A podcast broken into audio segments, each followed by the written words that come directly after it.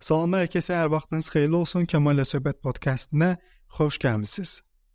Bugünkü podkastımızın mövzusu satışda follow-upla bağlıdır. Follow-upın nə qədər əhəmiyyətli olması ilə bağlı danışacağıq bu gün və çalışacağam ki, bacardığım qədər sizi yormamaq şərti ilə e, çox lazımlı nüanslara toxunum ki, sizlər də bu podkastdan sonra dərhal həmin nüansları işinizdə tətbiq edə biləsiniz.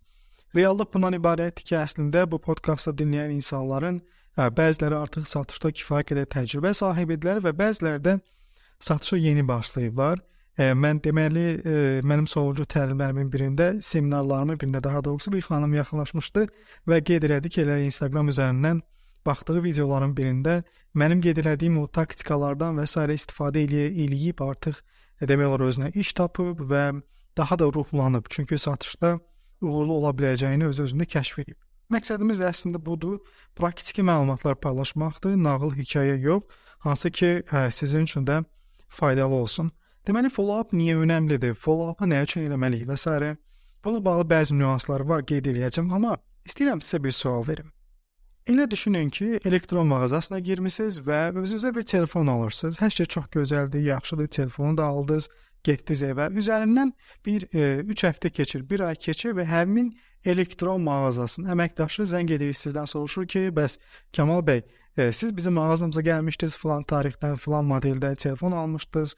Necədir? Ürəyiniz necədirmi? Hər hansı bir problem yaşayırsınızmı? Və o bunu hər dəfəsində eləyir. Və yəni İlk dəfədə eləyir onu 1 aydan sonra, daha sonra 1 aydan sonra, 2 aydan sonra hər dəfə belə yavaş-yavaş sənə əlaqə qurmağa çalışır elədi, amma mütəmadi şəkildə bir ardıcıllıq var. Özünüzü necə hiss eləyərdiniz? Və yaxud da fikirləşin ki, xəstəxanaya getmisiniz, elədir, hər hansı bir problemlə bağlı, ağrı ilə bağlı. Həkim sizi müalicə edir əlbəttə ki, müalicə öz yerində. Gedirsiniz evə, bir bir müddətdən sonra əlbəttə ki, sağalırsınız. Amma həmin xəstəxananın əməkdaşı zəng edir ki, filan tarixdə gəlmişdiniz mənim yanıma, və yaxud da bizim yanımıza, bizim xəstəxanamıza gəlmişdiniz. Filan ağrı ilə bağlı şikayətiniz var idi. İndi öz-özünüzü necə hiss edirsiniz? Necə olardı? Özünüzü necə hiss eləyərdiniz? Mən onu deyə-deyə sizdən soruşa-soruşa özümdə də canlandırıram. Düz Azərbaycanda belə bir mədəniyyət hələ ki formalaşmayıb ki, konkret olaraq e, insanlar e, düzgün şəkildə follow-up eləsinlər. Amma bu olsaydı, gör necə hiss eləyərdiniz özünüzü? Bunun adına təmiz şəkildə xidmət deyilir. Təmiz dediyim də yəni ki, heç bir qarşılığı yoxdur, saf xidmətdir. Yəni nəsə satmağa çalışmırlar, çünki artıq sən onlardan bir məhsul almısan, xidmətlərindən istifadə eləmisən. Mən sadəcə zəng eləmişəm səndən. Soruşum ki, hər şey yaxşıdır, yoxsa yox. Bunun adı xidmətdir insanlar can yandırırlar elədir. Bu dövrümüzdə o qədər önəmlidir ki bu. Yəni indi müasir dövrdə bu texnologiyanın inkişafı ilə əlaqəli özünüz görürsüz ki, yəqin eşitmisiniz ChatGPT 3 çıxdı, sonra 4 çıxdı. Yəni IQ məsələsi artıq o qədər də aktual məsələ deyil. Əvvəllər IQ səviyyəsi 120, 130, 140 olan insanlar fəxrlə gəzirdilərsə, indi onu kompüter rahatlıqla əvəz edə bilər. Yəni sən nə qədər sistemli fikirləşsən də, orada ChatGPT-yə bir dənə sual verirsən, e, normal bir sual yazırsan, strateji bir sual yazır. Çünki orada sual yazmağın özü də e, yəni asan bir şey deyil. Düzgün sual yazırsan və bir neçə saniyə ərzində sənə rahatlıqla cavab verə bilər.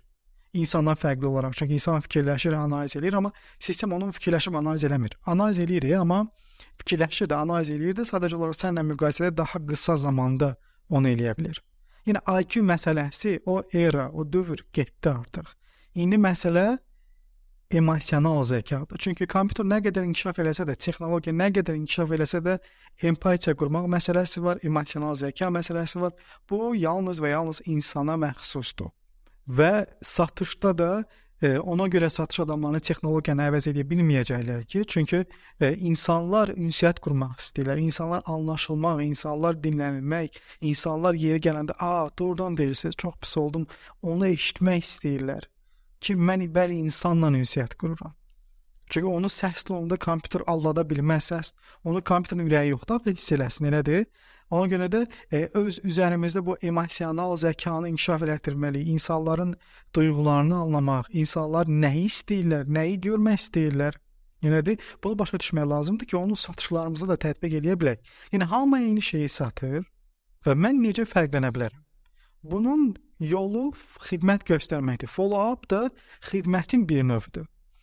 E, bu biri var satışdan sonraki follow-up'da, bir də var satışdan öncə. Yəni e, beynəlxalq statistikaya əsaslanan bir məlumat verəcəm sizə. Düzdür, Azərbaycan e, Azərbaycanın nə qədər keçərlidir, yəni rəqəmlə e, onu deyə bilmərəm, amma konkret olaraq burada da keçərlidir. Çox nadir hallarda olur ki, hansısa bir məhsul birinci görüş və ya da zəngdən sonra bağlanılır dərhal.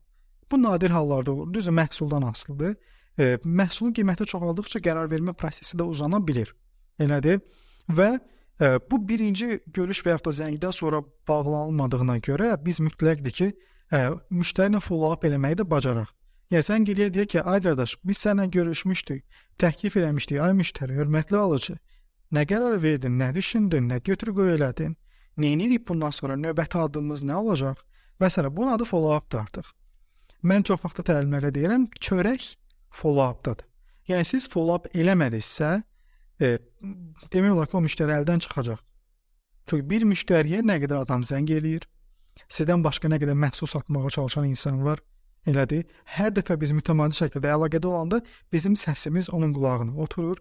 Hər dəfəsində bizi xatırlayır problemi onun ağlına gələndə. Çörək follow-updadır. Follow-up eləməyimiz şərtdir. E, yəni ilk görüş və ya da zəngdən sonra satış satışın bağlama məsələsi çox çətindir. Qeyd etdiyim kimi məhsul qiyməti baha olursa xüsusilə. Çünki bahadırsa, müştəri üçün riski də yuxarıdır. Risk də yuxarıdırsa, mütləqdir ki, müştəri götür-qoy eləmək istəyəcək. Götür-qoy da eləmək istəyirsə, bizim ə, e, birinci növbədə işimiz ona mütləq şəkildə vaxt verməkdir. Onsuz biz ona vaxt verməsək, bu aqressiya yaradacaq orada. Axı qardaş, mən dedim sizə, Mən indi qərar verə bilmərəm. Mən indi bilmirəm bunu almağa dəyər yoxsa yox. Mənə vaxt lazımdır 5-ci günə qədər və s. və axır. Müştəri bunu deyirsə, artıq ona bizim vaxt verməkdən başqa, zaman verməkdən başqa ə, e, şansımız yoxdur. Elə də seçimimiz yoxdur daha doğrusu. Amma bir şey də unutmayın ki, müştəri sizdən 5 gün istəyirsə, bu o demək deyil. O 5 gün ərzində oturub sizin məhsulla bağlı fikirləşəcək. Doğrudur. Bəzi hallarda oturur doğrudan da ailə üzvlərinə müzakirə eləyir, amma bu cəmi cümlətanız yarım saat vaxt çəkəcək. 1 saat vaxt çəkəcək. Elədir. Ona görə də ə, e, mən çox vaxt deyirəm, məsələn, müştəri sizə deyəndə ki, mənə 4 gün vaxt lazımdır, ona 4 gündən sonra zəng eləməyin. Ona 3 gündən sonra zəng eləyin. Dediyi gündən 1 gün ə, e, əvvəl zəng eləyin. Yumora bağlayın işi. Deyin ki, baxın indi Kamal bəy, mən bilirəm siz mənə deyəcəksiniz ki, ay bu əlin nə qədər e, məsəl üçün nə qədər mənə zəng elədi. Axı mən ona demişdim 4 gün sonra mənə zəng eləsin. Bilirəm ki, mənə bu deyəcəksiniz. Sadəcə mən dedim ki, işlərimiz çoxdur e, və bunu nəzərə alaraqdan dedim elə mən sizə qabaqlayım. E, yəni hər halda yadınızdan çıxa bilər deyə düşündüm. Ona görə dedim sizə zəng edeyim. Və yumora bağlamaq lazım. Belədir. İşi çox da ciddiyə almayaraqdan danışanda müştəri də çox rahat olur. Follow-up strategiyası isə fərqlidir. Mən istəyirəm ki, bu podkastda o strategiyalardan qısa olaraq bəzilərini sizinlə paylaşım. Müştəri ilə danışdınız telefon üzərində və yaxud müştəri ilə görüşdünüzsə, mütləq şəkildə görüşdən zəngdən sonra bir çox sağ olun mesajı və yaxud da e-maili göndərin. Ona hiss elətdirin ki, yəni səninlə görüşdüm, qutardı deyil. Görüşdüm öz yerində, sonra e-mail göndərirəm ki, çox sağ olun ki, vaxt ayırdınız, dəyərli zamanınızdan ayırdınız və bizimlə danışdınız. Aktiv əlaqədə olmağa çalışın. Yəni, məsələn, Əli bəylə danışıram. Əli bəy mənə deyir ki, hələ ki mənim ehtiyacım yoxdur elədi. Bu məndən al ala biləcək potensial müştəridir. Mən Əli bəyə deyirəm ki, çox vaxt o insanlara icazə alıram da. Deyirəm ki, Əli bəy, ə, olarmı ki, məhsulla və ya da xidmətlə bağlı faydalı olacağını hesab elədiyim məlumatlar əlimə gəldikcə sizlə də paylaşım. Bununla bağlı problem olmaz, problem yaşanmaz siz tərəfdən. Çox vaxtda cavab cavab olur ki, əlbəttə ki, yox, problem olmaz. Və mən ona daimi müntəzəm şəkildə e-mail və yaxud da mesaj göndərirəm, məlumat göndərirəm ki, xəbər olsun. Belə nə olur? Mən o gözünə daha çox görsənirəm, elədir? Və həmin məsələ ilə bağlı doğrudan da bir təciliyyət yarananda və o insan o məhsulu xidmətə sahib olmaq istəyəndə ağlına gələn ilk insan mən olacağam. Çünki hər dəfə onun gözünün qabağındayam. Ona zəng eləyəndə, yəni ki, müştərini birinci görüşdən sonra və yaxud da birinci zəngdən sonra zəng birinci zəng eləmisiniz, deyir ki, mən e, mənə biraz vaxt lazımdır. İlk işimiz əlbəttə ki, onun ağzından dəqiq tarix və saat almaqdır. Yəni Kəmal bəy, əlbəttə mən anlayıram ki, sizə vaxt lazımdır, başa düşürəm sizi. Sizə hansı tarixdə və saatda zəng eləsəm uyğun olar. Deyir məsələn 3-cü gün yaxud ayın 3-ü saat 2-də zəng eləyin və onu öz-özünə qeyd elədiniz, elədi. Və həmin o tarixdə saatda qeyd eləyəndə, e, qeyd eləyəndən sonra daha doğrusu zəng eləyəndə çalışın Kamal bəyə birinci zəngi xatırlad. Yəni ki, ona deyin ki, o nə üçün zəng eləmişdi. Məsələn, müştəri deyək ki, mənə zəng eləyib və yaxud mən ona zəng eləmişəm, satış təlimləri ilə bağlı danışırıq və ə, e, mən müəyyən edirəm ki, o satış komandasında follow-up-la bağlı problem var. Mənə deyir ki, follow-up-la bağlı strategiyamız yoxdur və biz bunun üzərinə bir neçə dəqiqə danışırıq. Və o problemi mən onun ağzından alıram. Özü iqrar eləyir, dilə gətirir ki, Kamal, bizdə follow-up problemi var. Mən ikinci dəfə zəng edəndə deyəcəm ki, Kamal bəy, yadınıza gəlirsə biz sizinlə birinci zəngdə siz qeyd eləmişdiniz ki, bəs ə, e, komandanızda follow-upla bağlı çətinlik yaşayırsınız və biz bunun potensial həll yollarından danışırdıq. Və mən sizə xidmət təklif eləmişdim. Bununla bağlı zəng eləyirəm. Görürsüz, mən follow-up zəngimin başlanğıcında da hətta müştərinin nəyə ehtiyacı var onu qeyd edirəm ki, o bilsin ki, mənim yadımdadır və o bilsin ki, onun komandası hələ də follow-upla bağlı əziyyət yaşayır və mən ona həll yolu təklif eləmişəm. Elədir? Və bunu mən eləyəndə avtomatik olaraq nə olur? Birbaşa olaraq müştərinin fikrini cəmləyirəm onun probleminə. Və yaxud arada olur ki, məsələn belə bir cümlə də işlədə bilərsiniz ki, bunu mən qeyd eləmişəm. Um, e, tutaq ki, bunu biraz yumora bağlayaraqdan deyirəm də. Deyə deyə bilərsiniz ki, Kamal bəy, hər vaxtınız xeyir. Yadınıza gəlirsə, biz sizinlə keçən həftə əməkdaşlararası qısa zaman ərzində necə daha çox satış bağlaya biləcəkləri və ə, e, sadiq müştəri bazasını necə yaratmaq ilə bağlı danışmışdıq. Ə, e, və mən sizə bir həll yolu təklif etmişdim. Və siz də demişdiniz ki, Kamal falan saatda və falan tarixdə zəng elə, ə, e, biz sizinlə əməkdaşlığa başlayaq. Və qavəni hara göndərəcəm, onu üçün zəng etmişdim. Halbuki o mənə deməyib ha.